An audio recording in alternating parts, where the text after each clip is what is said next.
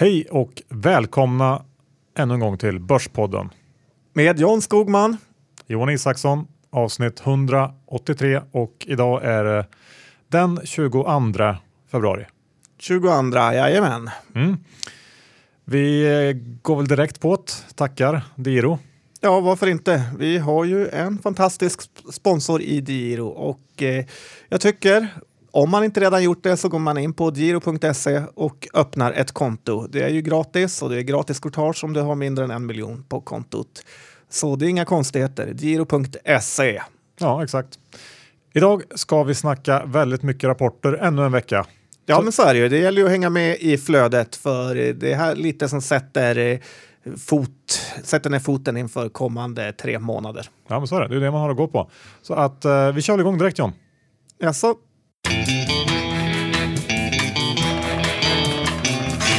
Johan Isaksson, indexet på 1585 och S&P på all time high. Berätta lite, vad har vi framför oss? Ja, i USA så är det ju all time high varje dag nu och eh, även om vi kanske inte riktigt är, är på all time high, det beror lite på vilka index man kollar på och så där här hemma i Sverige, så är det ju ofattbart håsigt. Det är så håsigt så jag, jag, jag mår fysiskt dåligt faktiskt av eh, stämningsläget just nu på börsen. Men det har du väl gjort i flera år nästan? Ja, men det går upp och ner. Lite som en, eh, jag vet inte, reumatiker. Du vet, eh, men, men just nu är det i alla fall riktigt, riktigt äckligt där ute. Och eh, det här är ju inte, det finns ju fler, det är inte bara min, min egna känsla som pekar på det här utan jag har tagit upp några datapunkter för att stärka min tes. Till exempel så var eh, januari den starkaste januari månaden för M&A sen gissa? 2007. 2008. Eh, och det här är drivet av en, en väldigt stark utveckling i Europa faktiskt. Och eh, nu är ju eh, S&P 500 upp ungefär 10% sedan valet. Och det här är faktiskt trots att analytikerna har reviderat ner estimaten under perioden. Det handlar i och för sig bara om ungefär 1 lägre EPS-prognoser men eh, det går ju inte riktigt hand i hand med den här enorma optimismen kring ekonomin som vi ser nu.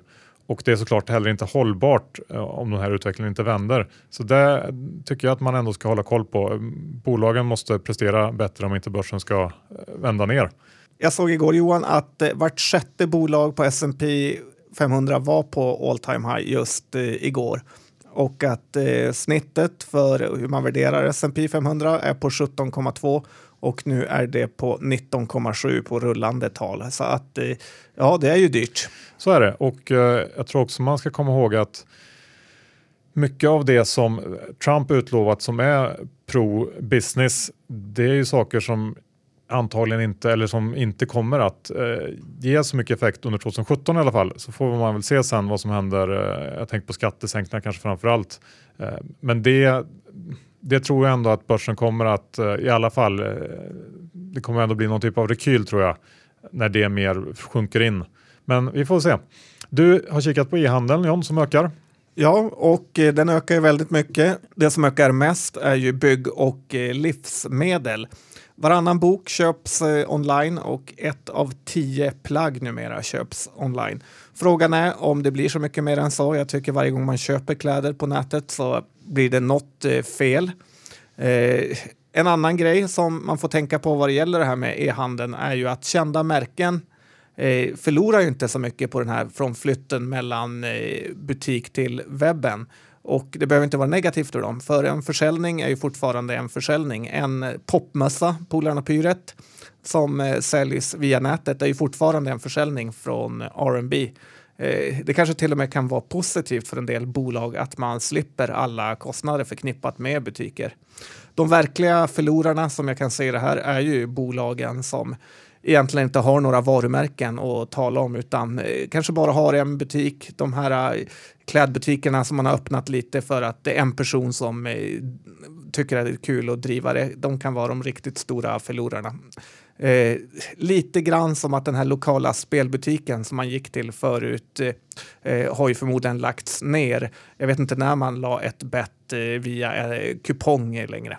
Nej, jag håller med dig och det finns ju stora värden i varumärken som man kanske inte riktigt kan ta på. Men, men det finns ju en poäng i att man ska leta efter det helt enkelt. I Sverige så är femåringen negativ igen. Ja, det har ju varit ett ränterally sista tiden, men nu och då var till och med femåringen positiv ett tag. Det oh, hemskt. Ja, det var bara några punkter, men ändå. Sista tiden så har den här fallit tillbaka till negativt territorium. Personligen så tycker jag nog att det är kanske är dags att titta på en del preffar som fallit eh, för mycket det som kanske irriterar mig mest är ju den här äh, hur alla experter skriker om att man ska binda räntan nu. Men ni vet ju, John Skogmans bolåneskola säger bind aldrig. Det är bara banken som tjänar på att äh, de försöker lura er att binda. Dessutom är ju bindningstiderna alldeles, alldeles för korta för att det ska vara vettigt. Om man verkligen, verkligen tror på en stark ränteuppgång, så bind på tio år och inte på två. Ja, ja jag håller med om. Jag har läst den här eh, senaste boken av Michael Lewis på slutet här, The Undoing Project. Och eh, den handlar om eh, Daniel Kahneman och Amos Tversky som la grunden till det som man kallar för behavioral finance idag. De flesta känner nog till han Daniel Kahneman som har skrivit den här Tänka snabbt och långsamt.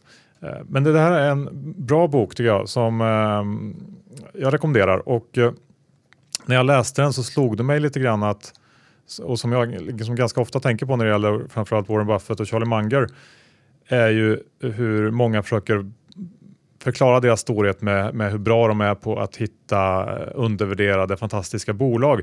Och det är de ju säkert eh, fenomenala på. Men det jag tycker man kanske pratar för lite om och tittar för lite på när det gäller eh, Charlie och eh, Warren är ju deras mer sätt att hantera den psykologiska delen av, av börsen och undvika att hamna i tankevurpor och eh, diverse psykologiska fällor som man ofta gör. Och eh, generellt så tycker jag att, att man, eh, man fokuserar kanske lite för lite på det. Det är ofta att man, man läser böcker om värdering och om eh, stora, stora placerare och hur de gör och sådär. Men jag skulle nog rekommendera att man lägger lite mer tid på, på att försöka fundera på sitt eget beteende. Ja, beteende är aldrig fel Johan. Nej, gott beteende ska det vara. Eh, Snapchat på vägen på börsen. Det är den. Ungdomsappen ska in på börsen till det eh, sinnessjuka priset på 18 miljarder dollar. Jag såg lite på Bloomberg när de presenterade det här caset och techjournalisterna var ju inte direkt positiva. Dels får man köpa aktier helt utan rösträtt, eh, vilket numera verkar rätt vanligt när man köper ett techbolag. Och sen har ju tillväxttakten för Snapchat eh, fallit rätt rejält senaste kvartalen. Och Jämför man med Facebook eller Instagram och Twitter så är ju Snaps användare betydligt yngre och eh, fattigare. Och Johan, jag säger och. Skulle Micke Syding sluta använda Snapchat eh, så kommer ålderssnittet att falla till en farligt låg nivå. Ja, det är en, en, faktiskt en ganska stor risk som jag inte är säker på att alla investerare känner till. Ska vi avsluta första delen John med att ge ett litet tips om hur man kan få inspiration till att hitta nya aktier. Ja, men eh, man måste alltid leta nya case och ett bra sätt att få inspiration för sitt eh, stockpicking är ju att man går in på fondbolagens hemsidor och ser vad deras eh, fondförvaltare har för topics. Rätt ofta går jag in på eh, Carnegies hemsida och titta på vad superförvaltaren Viktor Henriksson eh, har och eh, just nu är han väldigt tungt viktad mot finans och fastighet. Sen har vi Diner och Gerges hemsida som också är väldigt bra när man vill se vilka innehav som eh, de olika fonderna har. Eh, sen har vi Kliens fonder där eh, toppanalytikern numera toppförvaltaren Thomas Brodin också har en sida där han beskriver sina eh, toppcase. Så jag tycker att eh, det är ett bra inspirationssätt om man är eh, trött på sina vanliga tankar. Ja, det är det. Bra tips. Okej, nu ska vi ta och gå igenom lite rapporter igen. Lite eftersläntrare som har varit sega med att sammanställa sina bokslutskommunikéer som det oftast är nu här. Eh, ska vi börja med Ratos som ju haft eh, tufft minst sagt sista tiden. Ja, och eh, nu insynsköps det som aldrig förr och eh, först förstörde det här företaget eh, för sig själva och nu kan ledningen köpa in sig väldigt billigt vi får väl se om det lönar sig. Men Ratos är ju som det är nu ett väldigt, väldigt dåligt skött eh, företag tycker jag. Under alla år vi kört den här podden så har vi alltid sagt att de har sålt alla godsaker och eh, behållit eh, surdegarna. Eh, det är lite som en usel eh, tradingportfölj faktiskt. Ja, det är lite som man själv brukar göra. Ja, Susanne Campbell har ju fått eh, tag i den mesta skiten och om sanningen ska fram så ärvde väl hon en hel del av den här eh, problemen från den legendariske Arne Karlsson. Men grejen är att eh, hon ärvde något dåligt som hon sen gjorde ännu sämre. Hon gick in i den norska oljeindustrin på megapiken och sen sålde hon ut guldkornen för billigt. Och jag är lite rädd att man ännu en gång eh, gjort bort sig i den här viktiga vd-frågan när man tagit in Byggmax vd som också visat sig rätt inkapabel till att hitta bra affärer genom det här jättefelköpet av skånska byggvaror. Att han dessutom var med i Weekend och eh, sprang runt på Ratos-kontoret i fotbollskläder för att han tränar någon division 8-klubb gör ju inte att man blir mer övertygad om hans eh, förträfflighet. Nej, vi får se. Jag tror att substansvärdet eh, uppgick till ungefär 31 kronor per aktie nu. Och tittar man på portföljbolagen som finns kvar så ska man komma ihåg att de fortfarande har en en rätt hög skuldsättning där nere i, i, i dotterbolagsledet. Tittar man på portföljen totalt sett så har man en räntebärande nettoskuld som motsvarar fem gånger eh, rörelseresultatet, vilket ju är ganska högt. Så att det är, och som du säger, man har en hel del problem med ett flertal av de här bolagen. Eh, nu sänkte man ju utdelningen till 2 kronor, vilket eh, kanske var lite större sänkning än vad en del hade väntat eller hoppats på. Men det är i alla fall en lite mer rimlig nivå givet de här problemen man ändå har. Och eh, det, känns ju som att om man nu eh, skulle lyckas vända den här skutan så kan man ju alltid höja utdelningen framöver eh, istället. Så att, eh, vi får se, men eh, man är ju inte supersugen på att ge sig in eh, som det ser ut nu ändå. Även om det var en bra film. Ja, den var, den var riktigt bra faktiskt. Eh, Svedol kom det... ju med en kanonrapport. Det gjorde de Johan och som kanske inte riktigt var lika bra som det först såg ut som eftersom man blev ju rejält gynnade av det här eh, brutala snö vintervädret i november och sålde extra mycket då. Mycket spadar. Ja, precis. Och eh, det här bolaget har vi gillat Johan, eller hur? Främst kanske efter deras nyemission. Mm. Eh, det som skulle hända med Swedol har väl eh, faktiskt hänt och bolaget går ju bra. Det är inte jättedyrt. Det är kanske P14 för 2017. Eh, ja, 13-14 tror jag. Och de har en, eh, tyvärr får man väl lägga till då, en ganska stor nettoskuld på 4 eller 500 miljoner. Vilket inte är gigantiskt för Swedol, men det är inte lågt heller. Eh, det här är ju då efter Grolls kläderköpet. Några orosmoln är ju lite, om man tittar på konkurrenterna, typ Byggmax, så har ju de det ganska tufft. Att vdn dessutom sålde aktier efter förra rapporten eh, för Swedol som också var bra är ju lite oroande och det är också lite oro att han kanske ska göra det igen. Det här är förmodligen ett stabilt eh, och bra köp till den jättelånga portföljen och eh, bolaget kan nog kanske få någon börsveckan-rek eller så för jag tror, tycker de älskar Swedol mm. där. Men eh, SEB sänkte aktien nyligen till neutral, eh, även om Danske Bank eh, höjde den till köp.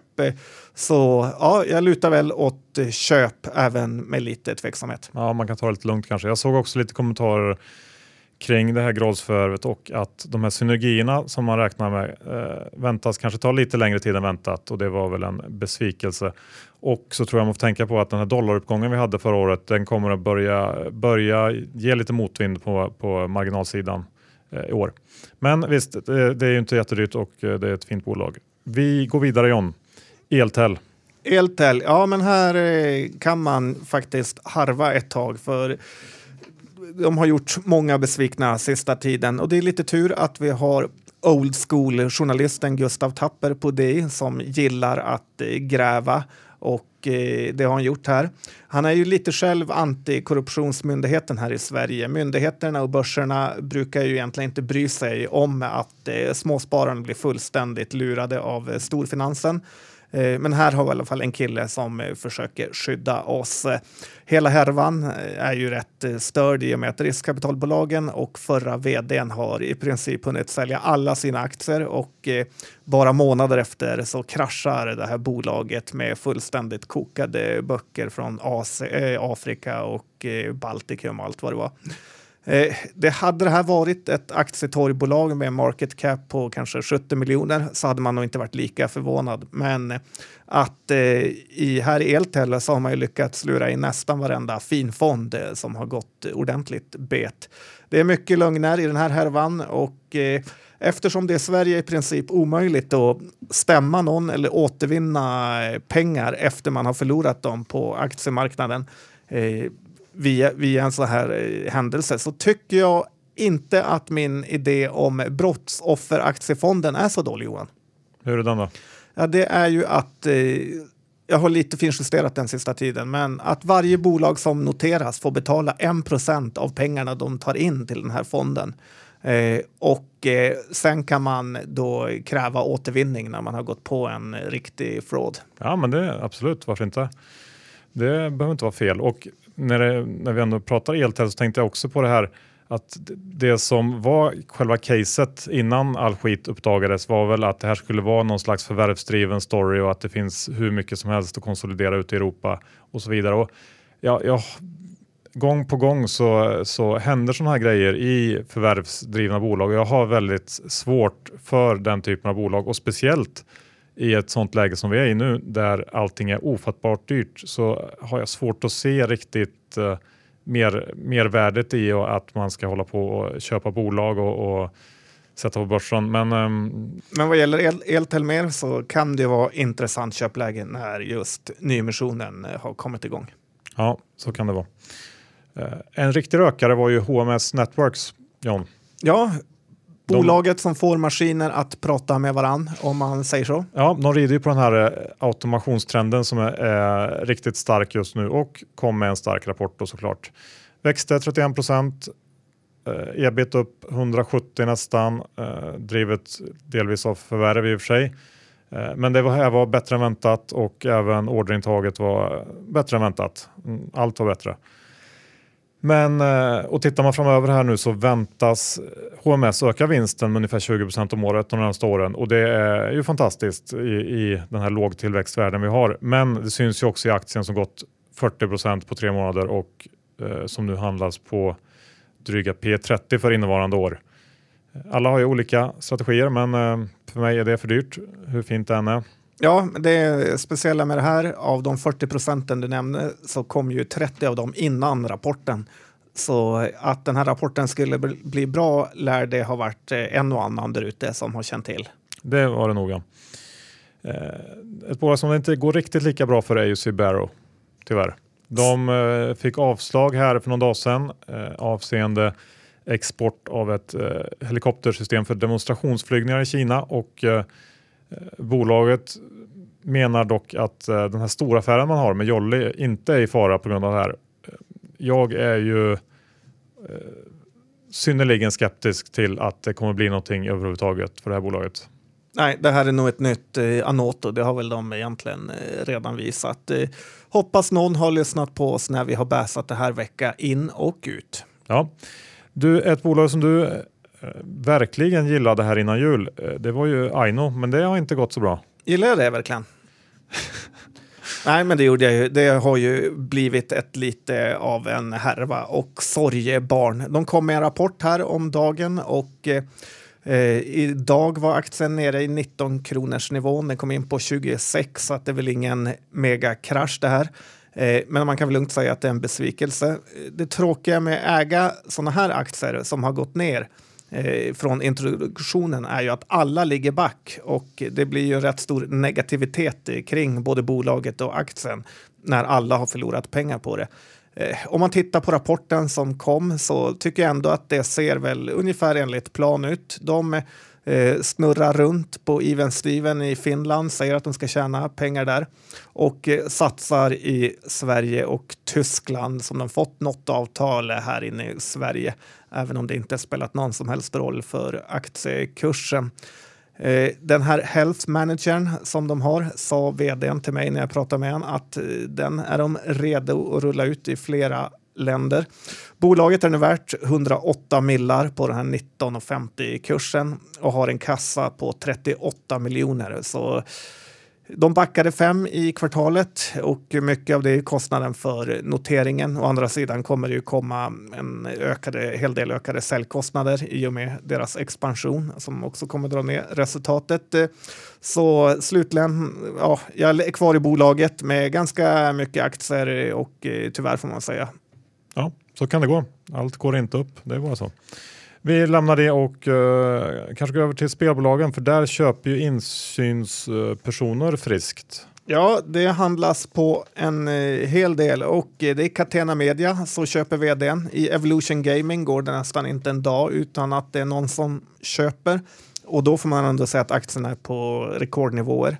Cherry hann knappt eh, släppa sin rapport eh, förrän det var insynsköp där och eh, det är lite fundersam vad det är spelbolagsledningarna ser eh, som gör att de köper på sig extra aktier nu. Om det är någon avreglering i USA eller Europa eller vad det kan vara eller om det bara går riktigt, riktigt bra. Ja, nej, det kanske bara går bra. Det behöver inte vara svårare än så. Retail i USA då, hur går det? Ja, det rullar ju på hyfsat ändå. Man, Macy kom med rapport igår och eh, det är en sån här department store, lite som Åhléns kan man säga. Eh, den var väl sämre egentligen överlag, men förväntningarna är ändå eh, väldigt låga på Macy så att aktien gick upp. Walmart kom också med rapport och eh, det är väl ett bolag eh, som också folk räknat ut lite, gick upp med 3,5 procent och är nu i närheten av sitt 52 week high.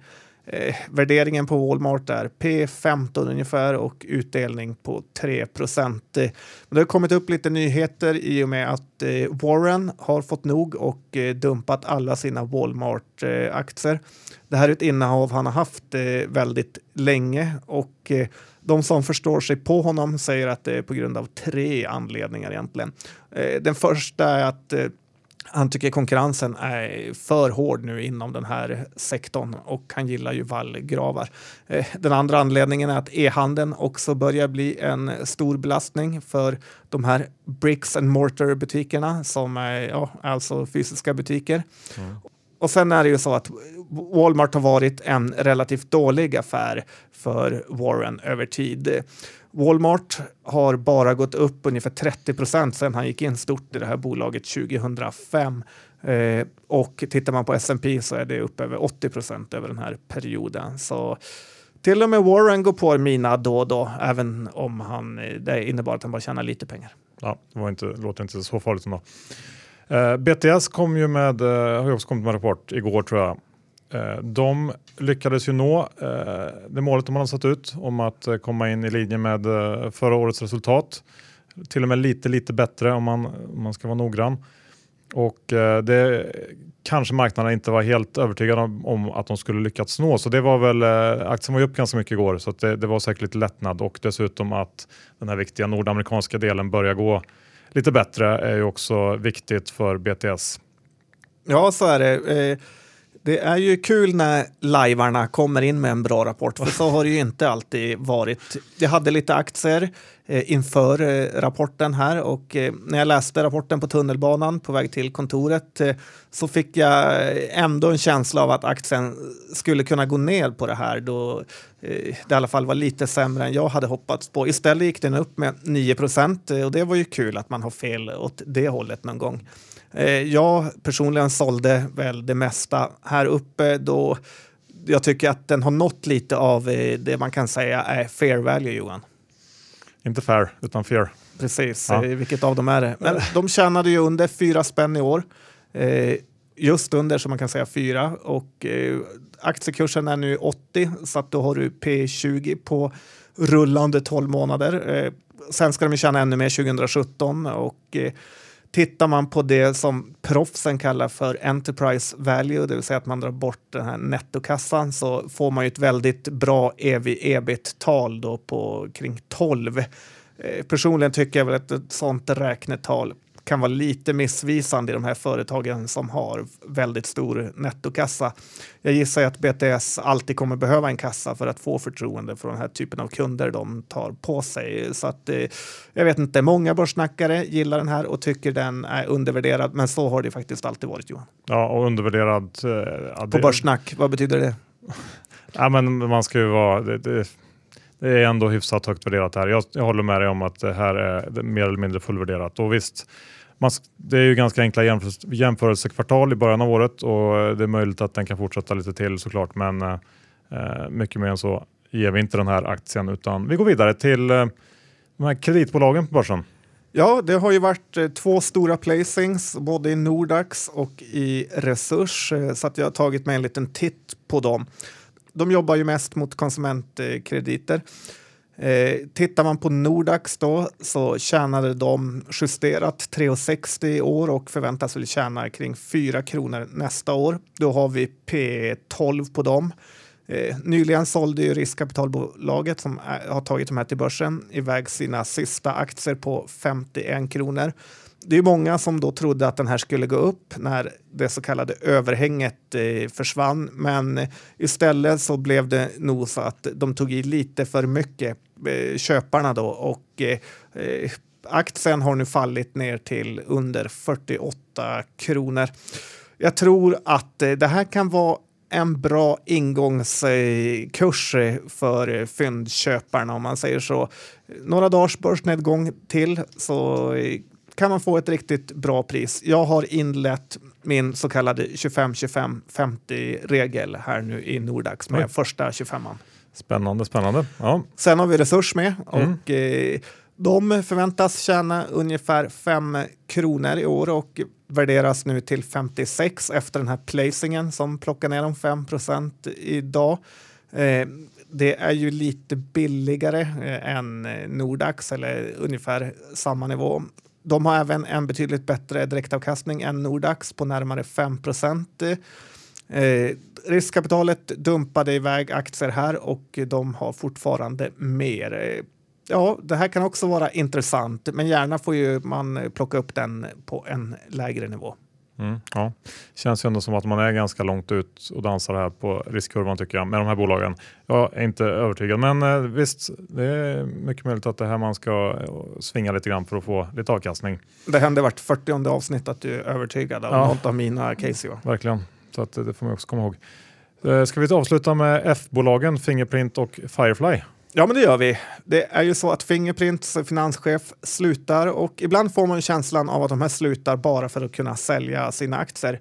Nu har de flesta i ledningen här sålt en massa aktier. Det är forsk forskningschefen, det är för detta vd och så vidare. Och eh, man vet ju också att Q1 kommer bli ganska dålig eftersom bolaget har flaggat för det. Och eh, de har ju också lovat att försäljningen ska ta fart eh, under senare delen av 2017, vilket börjar kännas mer och mer osäkert med tanke på hur ledningen själv agerar med sina aktier.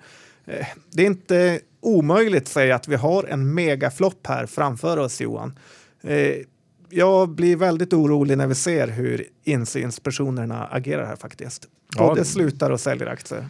Ja, absolut. Jag håller med. Det känns inte bra alls. Ehm, men ja, vi får följa upp helt enkelt. Firefly då? Ja, det här är ju ett av mina favoritcase. Även om sista året har det inte varit så mycket av eh, favorit. Men det är rätt kul att följa ett bolag så här nära som jag ändå tycker jag har gjort. Q4 var ju som väntat rätt eh, dålig. Eh, det var flytt och eh, de hade haft ganska dålig orderingång från Q3 så det var väl ganska väntat. Jag hade ju räknat med att rapporten skulle bli lite dålig och sålt aktier innan eh, för jag hade hoppats på att få fylla på. Tyvärr blev jag väl lite outsmartad av börsen den här gången då fler verkar tänkt som jag och orderingången var faktiskt helt okej okay, och de behöll utdelningen Eh, vilket också visar på någon typ av förtroende för framtiden. Eh, det ska bli kul att följa det här bolaget mot sina 2020-mål. Eh, men det lär bli svajigt och eh, aktien är inte direkt billig på den här nivån som den står i nu. Nej, det är det inte.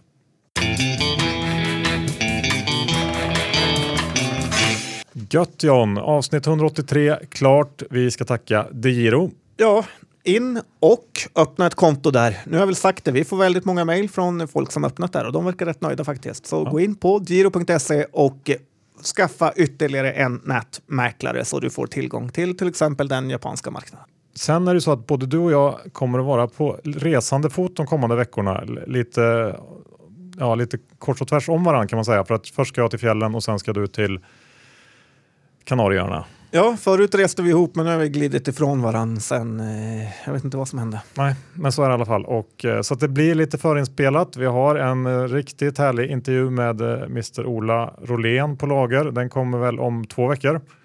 Ja. Och ja, det blir bra tror jag. Jag hoppas det, men det Ja. blir det väl alltid. Och det, med Ola kan man ju lova att det blir bra. Ja, det kan man. Innan vi avslutar, vi går igenom vilka aktier vi äger eller inte äger i det här avsnittet. Eh, Jag tror jag inte hade någon eh, av dem vi pratade om. Hur är det med dig? Ja, men jag gillar ju faktiskt eh, börsen till skillnad från dig Johan. Så att jag äger några aktier och jag har lite R&B som jag nämnde. Jag har också Firefly. R&B nämnde du dem? För det har jag också lite grann. Jag sa att eh, Polarna Pyret, en försäljning. Ja, mm, ja, då får jag lägga till den då. Yes, jag fick med det på något sätt. Nordax har jag, Firefly har jag. Jag har Aino. BTS och Aino. Bra, då har det överstökat. Hoppas att ni har och får en eh, fortsatt trevlig dag. Så hörs vi om en vecka. God bless Sweden.